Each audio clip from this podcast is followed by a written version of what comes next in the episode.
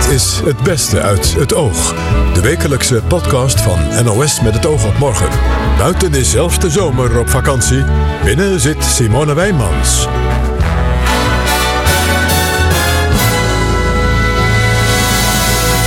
Fijn dat je weer luistert naar onze podcast, waarin we weer bijzondere gesprekken van de afgelopen week hebben verzameld.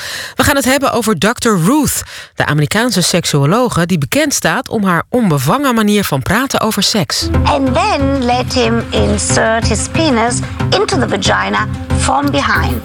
The reason I'm saying from behind is so that the clitoris should be exposed so that either you or he can stimulate the clitoris to orgasm.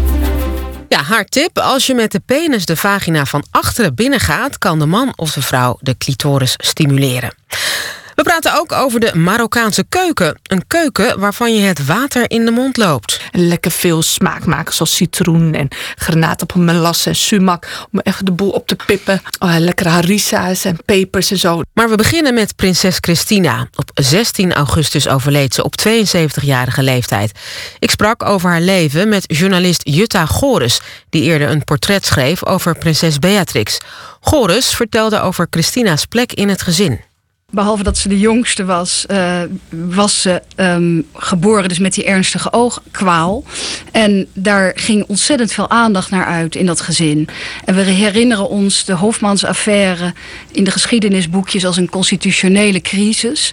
Maar het was ook een ernstige gezinscrisis. En um, ik denk dat uh, dat voor haar het feit dat ze daar niets aan kon doen en de aanleiding is geweest voor um, dit, deze onrust, zowel binnen het gezin als landelijk, constitutioneel, dat moet een zware last er zijn geweest. En een, wellicht een drama. Ja, het was niet alleen een constitutionele crisis, ook een, een huwelijkscrisis. En op Paleis Soesdijk liep het helemaal uit de hand. Hoe werd die periode door de vier zussen beleefd? Is daar, is daar informatie over? Is dat bekend hoe dat ging in de tijd? Nou, gek genoeg um, weten we dat eigenlijk vooral door Hofman zelf. Omdat zij zo uitgebreid gecorrespondeerd heeft met uh, koningin Juliana destijds. En ze kwam in november 48 naar Soesdijk voor die oogkwaal. Um, en ze schreef brieven aan Lieve Engel. Daaruit blijkt dat de kinderen haar tante Greet moesten noemen. Dat ze uh, zelf zegt over Beatrix bijvoorbeeld... dat hij ontzet is wanneer Marijkje struikelt of valt... of ergens tegenaan loopt. En dat er dan een golf van innige meewarigheid is. Je ziet eigenlijk aan die brieven hoe um, een huishouden ook van kinderjuffrouwen en gouvernantes... Ja, op Soesdijk plaatsvindt. En ook hoe langzaam de ergernis van Bernard toeneemt. Het komt eigenlijk door historicus Kees Vasseur dat we die brieven hebben kunnen zien. Want die komen uit het Koninklijk Huisarchief.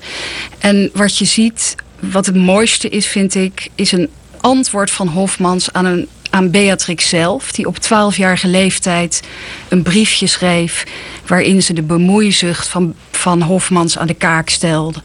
En onomwonden haar mening geeft. En dan zie je dat zij eigenlijk zo klein als ze was de kant van de redelijkheid koos en de kant van haar vader tegen de zweverigheid die alomtegenwoordig was daar. En daarbij nam prinses Beatrix voornamelijk ook haar zus, haar kwetsbare zus, enorm in bescherming. Ja, zeker. Dat, um, het, het lijkt er in ieder geval op alsof het daar om te doen was. En um, je ziet ook aan een mooi portret wat Hella Haase later op de achttiende van Beatrix heeft gemaakt, geschreven. Dat ze een grote genegenheid had voor haar zusje, voor de zussen in het algemeen. Maar dat ze ook scherp en streng kon zijn. Als ze verwendheid zag of gemakzucht. Dus het is typisch een oudere zuster, denk ik, die ze later ook werd. He, die als een mater familias over het gezin waakte. Uh, zich bekommert ja, om het welzijn van iedereen. En dat bij elkaar probeert te houden. En heeft Christina later zelf wel eens iets over die periode verteld? Of over haar relatie met haar zussen? Niet dat ik weet. Ik weet wel dat ze mm, maar dat weten we dan ook weer van Alicia de Bieleveld. Dat is die, die halfzuster uit een buitenechtelijke relatie van uh, prins Bernard. Dat zij degene was die het contact onderhield met deze halfzus in elk geval. En steeds dichtbij haar bleef. Um, een dvd van de bijzetting stuurde. Um, nou ja, voortdurend haar betrok ook bij haar eigen huishouding. En um, in die zin ja, weten we iets daarvan. En hoe close was Marijke later met haar zussen? Is dat beschermende door bijvoorbeeld Beatrix? Is dat altijd zo gebleven? Was het een patroon? Ik denk het wel, omdat ik uh, zie dat Beatrix dat beschermende dus heeft naar de hele familie. Het, er zijn natuurlijk een aantal dingen gebeurd um, later uh, waarvan waar veel kritiek op is gekomen. Hè, de privileges die Christina zich heeft toegedicht, of in ieder geval werd dat gezegd. Um, he, ze is in opspraak geraakt toen ze een brievenbusfirma op uh, kanaaleiland Guernsey uh, opende. Um, of in ieder geval haar zonder belasting te betalen haar erfenis daaronder bracht. Begin dit jaar is er wat, opspraak, eh, ja, wat, wat te doen geweest om tekeningen van Rubens en Leonardo da Vinci, die ze verkocht heeft. En die musea um, eigenlijk wilde hebben, Nederlandse musea eigenlijk wilde ja, hebben. Ja. ja, zeker. Nou ja, wat mij um, in ieder geval en veel meer mensen um, op is gevallen, is dat ze zich als kunstbezitter um, heeft opgesteld, niet als rentmeester, maar als eigenaar van die kunst, die daar mag, van mag profiteren. En je kunt je afvragen of dat verstandig is voor een privéfamilie met een publieke functie, uh, die de Oranjes hebben. Dat, nou ja, goed, ik uh, zie daar in ieder geval naast dat gedrag van haar nog een andere kant aan deze discussie. En dat is dat na de jaren 2000 er steeds meer kritiek is gekomen op het Koningshuis. En met name op hun bestedingen en de, de financiële kant ervan. Hè. De, uh, het onderhoud van de Groene Draak uh, werd onder een vergrootglas glas gelegd. Uh, Willem-Alexander kreeg kritiek op de bouw van een villa in Mozambique. De begroting is elk jaar ineens een hoofdpijndossier. De begroting van het Koninklijk Huis. Je ziet dat daar de moed van het volk minder tolerant is geworden. Maar je ziet ook dat prinses Christina zich daar toch weinig van aan leek te trekken. Hè? Want ze heeft die kunstwerken gewoon geveild. Ze had die brievenbusfirma. Er was ook nog een kwestie rond Villa de Eikenhorst uh, in ja. haar tijd. Ze heeft nooit excuses aangeboden of, of iets dergelijks. Nee, het is natuurlijk ook niet verboden. Nee. Um, het zijn allemaal toch uh, haar handelingen zijn niet verboden geweest. Maar je kunt je afvragen of dat verstandig is. En mm -hmm. Of Beatrix daar blij mee is geweest, ik weet het niet. Um, maar in ieder geval denk ik dat inderdaad dit soort gedrag kwetsbaar is voor zo'n familie. Hoe gaat Christina um, de geschiedenisboeken in, denkt u? Het is natuurlijk een uh, leven geweest wat nou ook moeizaam of moeilijke kanten had, omdat ze zich niet vrij voelde om te zijn wie ze um, dacht te zijn en wie ze was. Omdat ze van koninklijke huizen was. Heeft zich daar wel vaker over uitgelaten. Prinses Christina heeft ervoor gekozen om te worden gecremeerd. Eerder in de week spraken we ook al over het Koningshuis. Hassan Outakla werd voorgesteld als de nieuwe persoonlijke adviseur van de koning. En collega Chris Keijnen vroeg Koningshuisexpert Rick Evers wat je zoal doet als je voor de koning werkt. Je mag geen personeel zeggen, hè, geloof nee, ik. Nou, er is hofpersoneel. Dan hebben we het over lakai, over schoonmakers, uh, uh -huh. over administratief personeel. Maar uh, we hebben het nu over de hofhouding. Dat zijn echt wel de, de topmensen uh, aan het hof. Als je het zou, met een ministerie zou moeten gaan vergelijken, dan heb je een directeur-generaal aan het hoofd. Dat is de grootmeester aan het hof. Ja. En daaronder heb je een aantal stafhoofden eigenlijk. En nou, onder die stafhoofden valt uh, zo'n persoonlijke adviseur zoals uh, Outakla inderdaad. Uh, hij is niet de enige persoonlijke adviseur. we hebben ook Pien Zaaier die al jaren alle Oranjefondsbezoeken doet bijvoorbeeld. Ja. Alle maatschappelijk inhoudelijke um, onderwerpen. We ja. hebben Jan Snoek die onder andere speechschrijver voor de premier is geweest. En die ook de cultuur- en kunstsector een beetje bijhoudt voor ons koningspaar.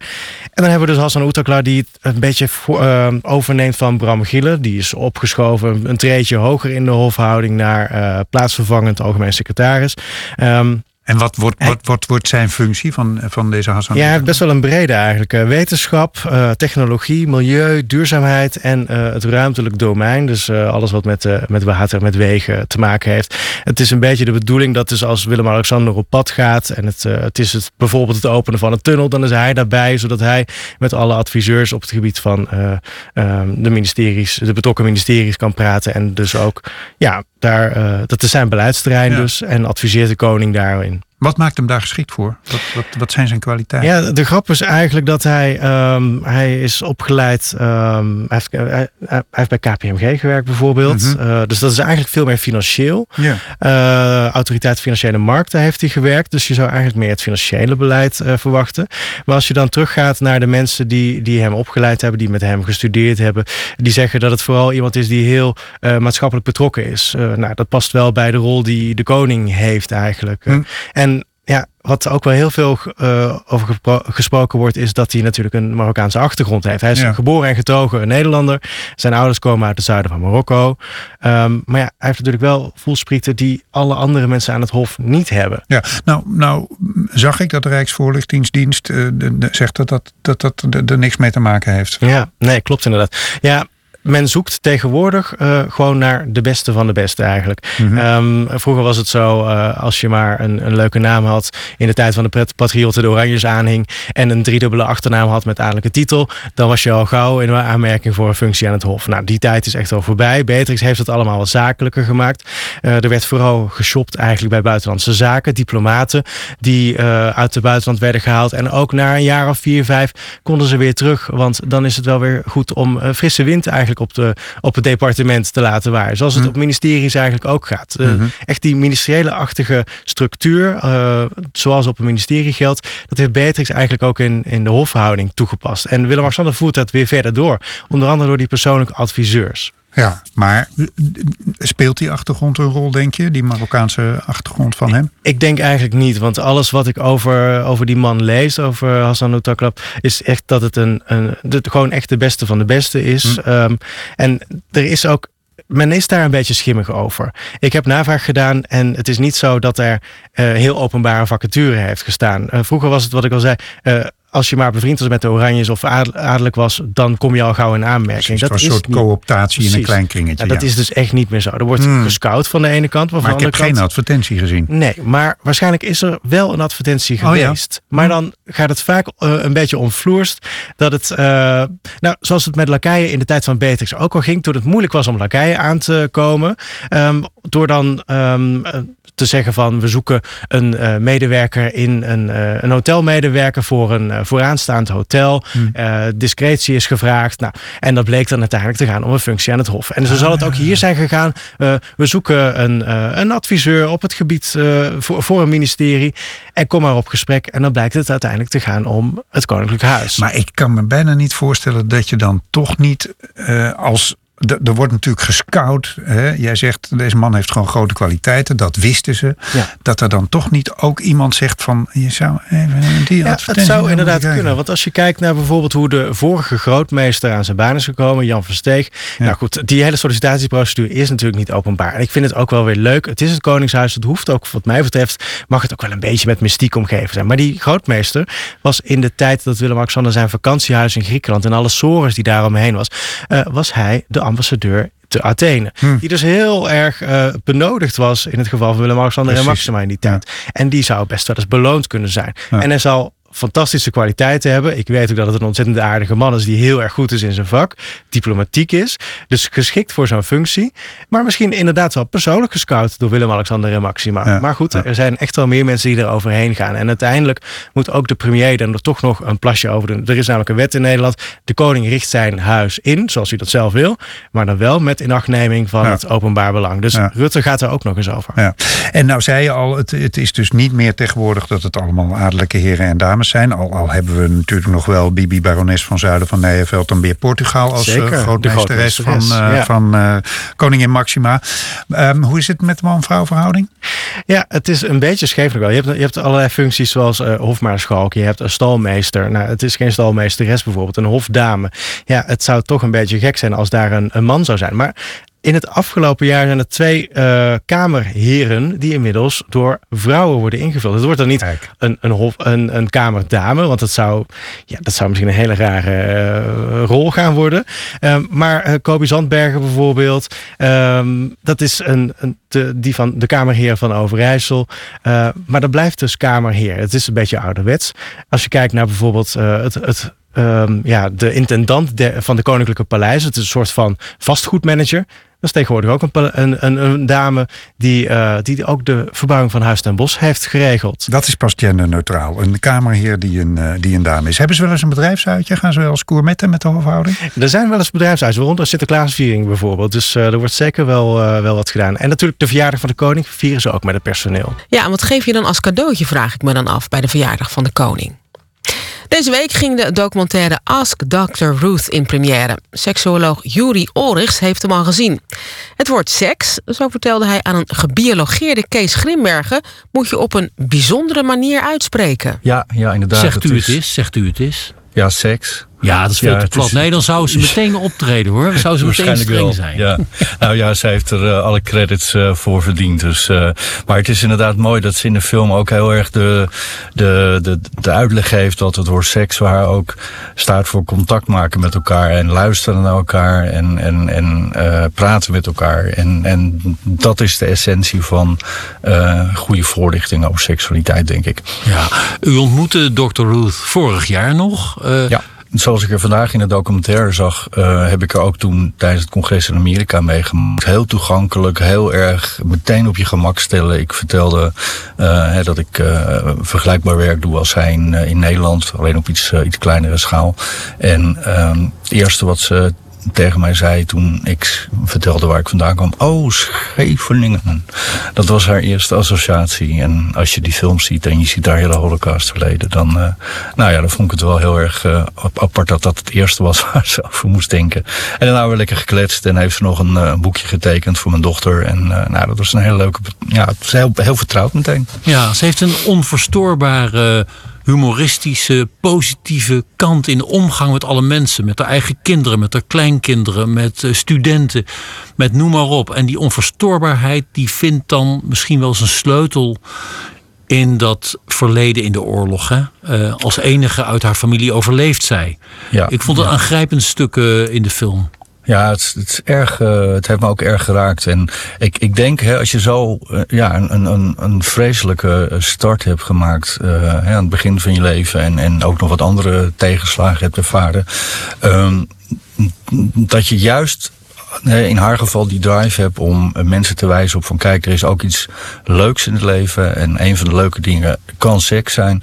Um, dat je dan vol overgave, vol passie die mensen dat wil meegeven. En dat, dat stukje geluk wat ze daaraan kunnen ontleden, dat je dat met alle ja, energie en positiviteit in je um, wil, wil meegeven. Ja, dat brengt ze over aan die studenten die ze ontmoet. Dat brengt ze over in haar televisieprogramma's en radioprogramma's. Mm -hmm. Maar dat doet ze ook op een hele bijzondere manier met een man die ze ontmoet, die ook rond de 90 is. En die ja. zij in Zwitserland als 12, 13-jarige ooit de eerste zoen geeft. En dan haalt ja. ze met die man, dan deelt ze met die man dat ze die zoen nog steeds proeft in ja, haar herinnering. En, ja, prachtig. En ze zegt hem ook nog eventjes uh, met een schalkse lach van... maar je hebt me wel verlaten.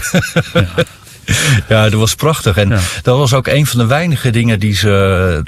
weinige persoonlijke dingen die ze doet. Behalve uh, natuurlijk heel veel over haar geschiedenis. Maar ze vertelt heel weinig over haar eigen seksualiteit. En dat is een van de belangrijke dingen uh, die je moet doen, denk ik, als je als seksoloog op tv komt.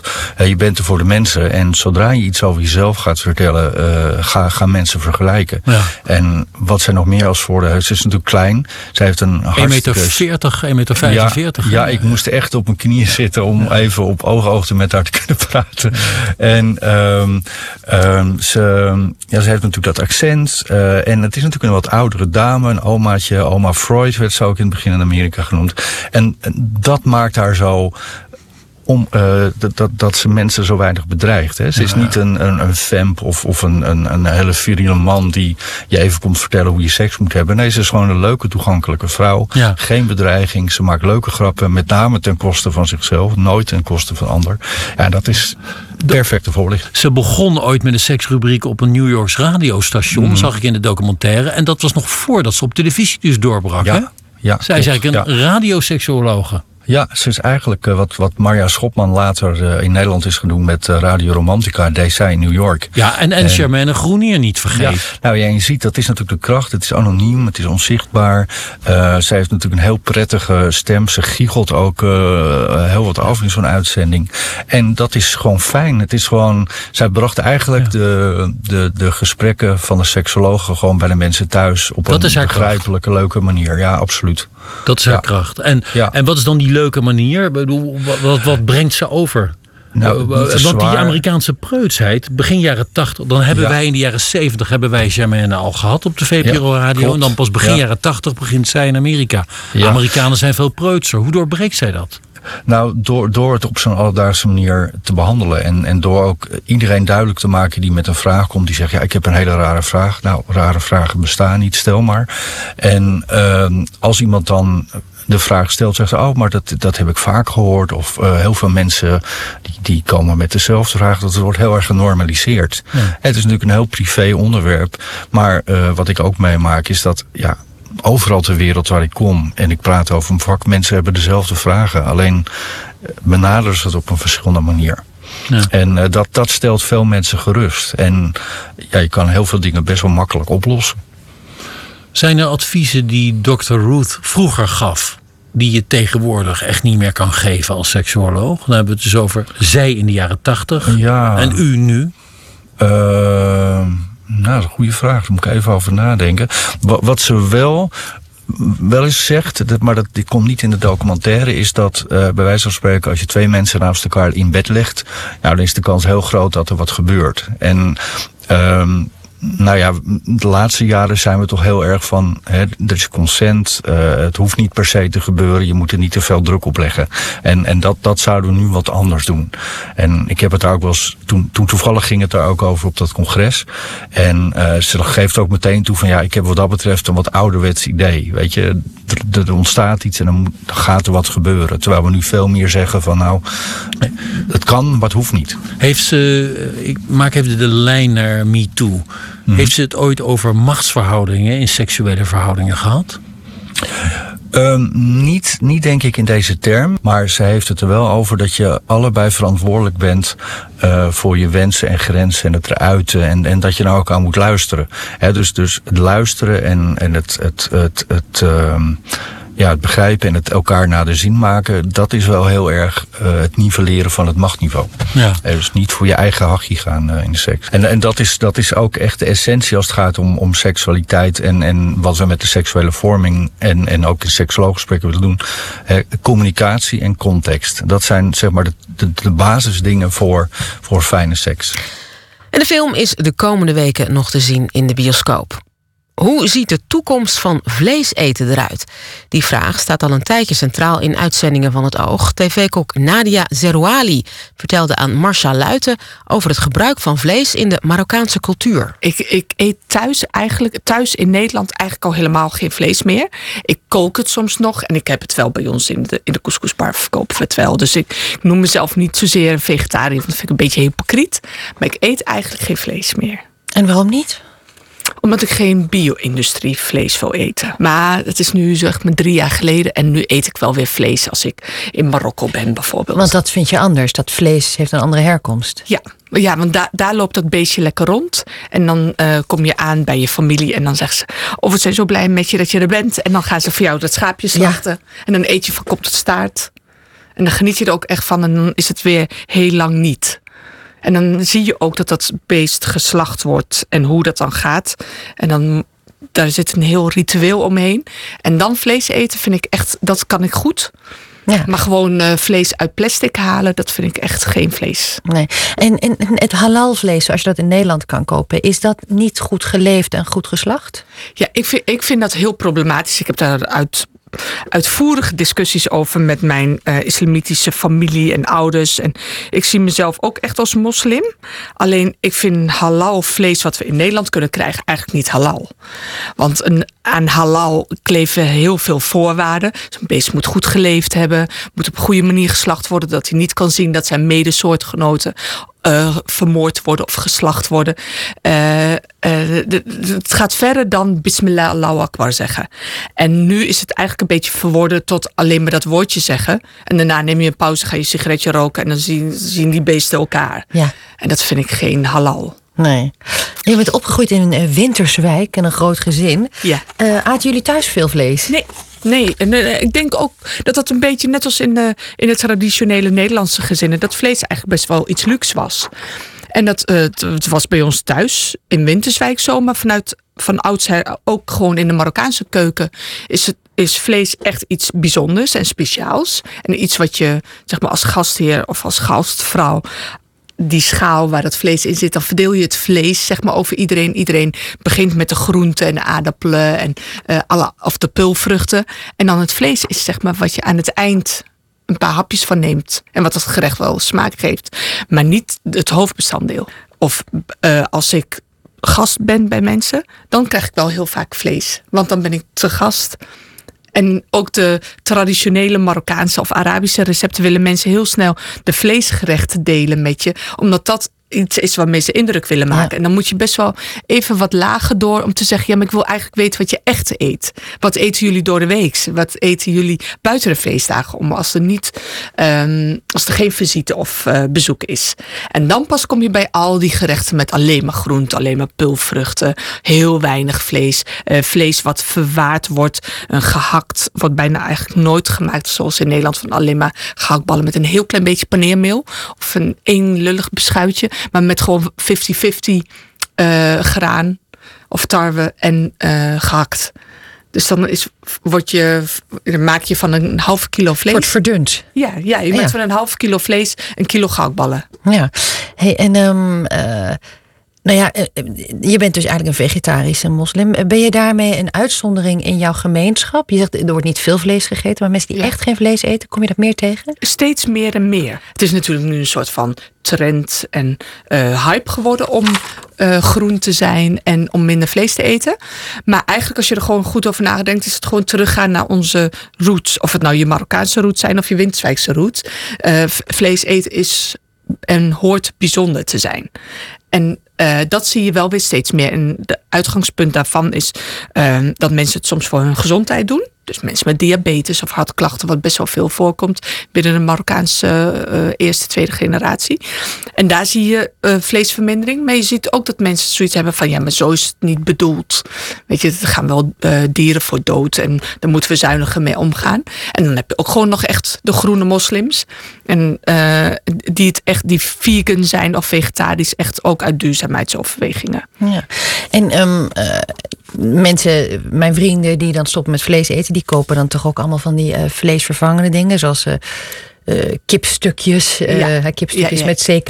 Ja, ja, worden die ook gegeten in de Marokkaanse gemeenschap? Als ik heel eerlijk ben, ehm, ik ken niemand die dat doet, maar ik zelf ook eigenlijk niet. Zo, ik ben gek op de, de manier van de kipstukjes. Dat vind ik bijvoorbeeld een hele leuke manier. Ik vind het een briljant product. Maar ik vind het zelf niet lekker. En ik vind het eten zonder uh, nepvlees of zonder vlees net zo lekker. Ik vind gewoon koken met pulvruchten en groenten en lekker veel specerijen en kruiden. En lekker veel smaak maken zoals citroen en granaatappelmelasse en sumac. Om even de boel op te pippen oh, lekkere harisa's en pepers en zo, dan heb ik geen uh, vlees meer nodig. Het water loopt me al in de mond. Heb je het idee dat. in de nacht. Ja, lekker. Heb je het idee dat, zeg maar, uh, dat we allemaal eigenlijk spannender en interessanter gaan koken als we dat vlees een beetje laten liggen? Dat hoop ik. Ik vind dat niet voor iedereen gelden hoor. Ik vind dat best wel veel mensen die vegetarisch, veganistisch leven best wel ongezond eten. Van dat vegan junkfood, zeg maar. Wat is dat? Uh, um, denken dat als je zoete aardappelfrietjes eet, dat het dan gezond is, omdat het zoete aardappelfrietjes zijn. denk ik, er is niks mis met een frietje. Maar uh, alleen maar gefrituurd eten, bijvoorbeeld. Of uh, ja, je moet nog steeds een gebalanceerde maaltijd. Je moet er echt over nadenken wat, welke voedingsstoffen je binnenkrijgt. Dus of het er alleen maar beter op wordt, dat durf ik niet zo snel te zeggen.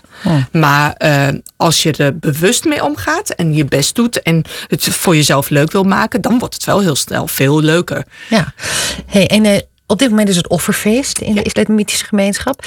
Uh, daar worden toch veel dieren voor geslacht. Hoe verhoudt de groene moslim uh, zich tot dat feest? Ja, je, je merkt dat velen, waaronder ik, uh, echt met mijn eigen morele kompas in, in de knoei kom. Ja? Ja, het, het, het, het druist allemaal een beetje tegen elkaar in. Je ziet gewoon dat het eigenlijk niet kan. Weet je, er zijn miljarden moslims over de hele wereld. als we met z'n allen een schaap slachten, of een koe of een geit. Het gaat echt best wel heel hard. Het gaat het ook. Uh, aan de andere kant is het weer een heel mooi gebaar. Want je, je offert echt zo'n dier. Een derde is voor jou, een derde is voor je gezin en je familie. En een derde geef je weg. Dus er zit ook iets heel moois in. Het is, uh, je, je, kunt elkaar ermee helpen. Maar aan de andere kant denk ik um, om uh, je, ja, zeg maar ten opzichte van je God of van je Allah geloof ik ook wel dat je dit niet zo expliciet hoeft te doen. Ik ga morgen maar eens een recept opzoeken van Nadia.